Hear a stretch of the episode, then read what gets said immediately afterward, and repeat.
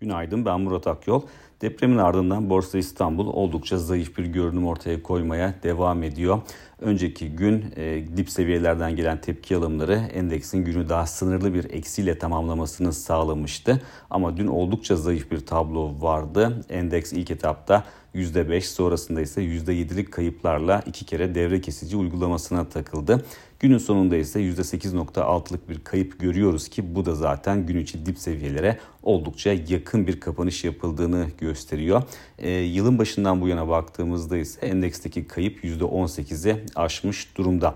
Mevcut teknik görünümü değerlendirdiğimizde sıklıkla vurgu yaptığımız 4700-4750 puan bandının altına inilmiş olması kısa vadeli görünümü önemli ölçüde bozuyor. Dolayısıyla zayıflıktan çıkılması için ilk etapta bu bandın üzerinde arka arkaya kapanışlar yapılması gerektiğini düşünüyoruz.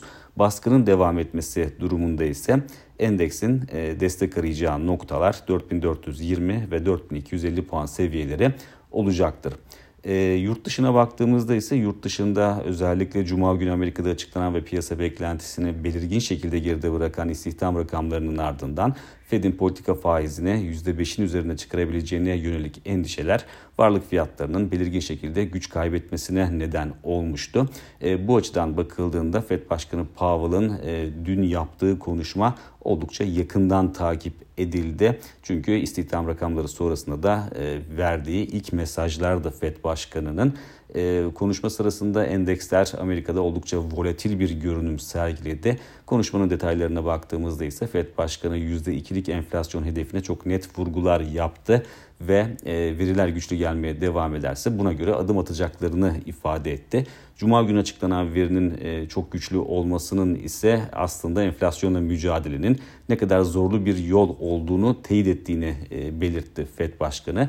Genel olarak baktığımızda aslında e, FED Başkanı'nın e, çok yeni bir mesaj vermediğini görüyoruz. Önceki söylemlerine e, genel ölçüde bağlı kalan söylemlerde bulundu. Dolayısıyla piyasa beklentilerinde çok ciddi bir değişiklik olduğunu söylemek zor.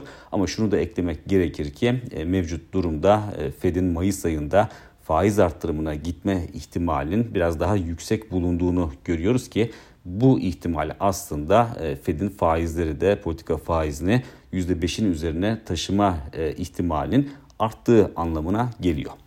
E, Fed Başkanı'nın ardından bugün New York Fed Başkanı konuşacak, Williams konuşacak. O da Fed içindeki önemli üyelerden bir tanesi. Dolayısıyla onun vereceği mesajlar da tabii ki önemli ama Fed Başkanı'nın açıklamalarından sonra artık biraz daha geri planda kalma ihtimalinde göz önünde bulundurmak gerekir. Makroekonomik veri tarafına baktığımızda ise aslında hafta başından bu yana olduğu gibi bugün de piyasalara yön verebilecek önemde bir veri bulunmuyor. Bir sonraki podcast'te görüşmek üzere.